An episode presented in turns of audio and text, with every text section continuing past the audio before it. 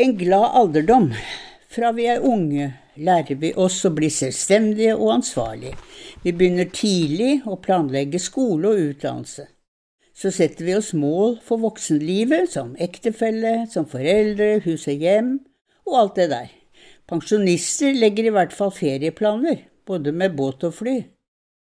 Hvorfor er det da uhørt å planlegge alderdommen? De siste ganske voldsomme debatter om eldre og alderdom har vært nedslående. Ikke bare fordi det er avdekket skakende rapporter om pleie og mangel på pleie av syke og hjelpetrengende, men også nedslående fordi det dermed har blitt en elendighetsskildring av alderdommen generelt. Gamle er ynkelige og trenger statens hjelp. Bortsett fra fenomenet demenskoret, som er en hyllest ikke bare til musikk, men også til en verdig fellesskapskultur hvor eldre lyser av livskraft og overskudd.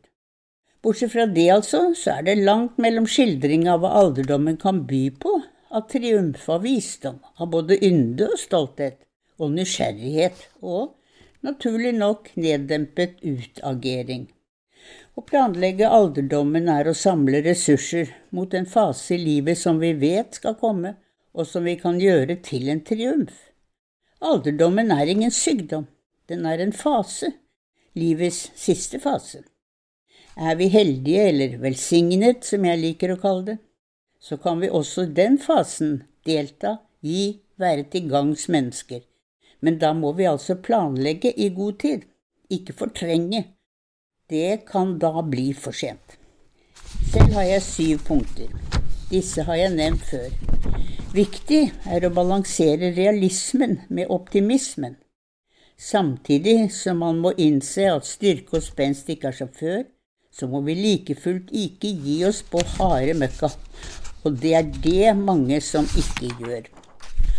For å fremme en alderdomskultur må de eldre synliggjøres. Her trengs influensere, rollemodeller som praktiserer det rike og spennende livet som alderdommen har å by på.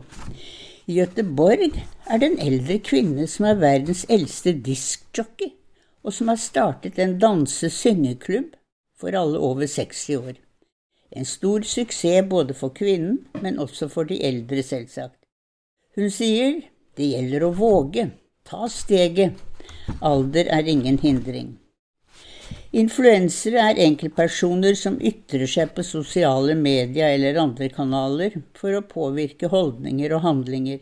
Det trengs mange av dem som kan skape et bilde av dagens samfunn, hvor eldre setter spor, preger sine omgivelser, beriker mangfoldet og gjør livet mer humant. Takk og lov, det går i det ganske land et stille tog av personligheter av edel årgang. 70 år er jo de nye 50-åringer. Vi lever lengre, sunnere og friskere enn noen gang. Men toget er for stillegående, for lavmælt. Det er synd og skam.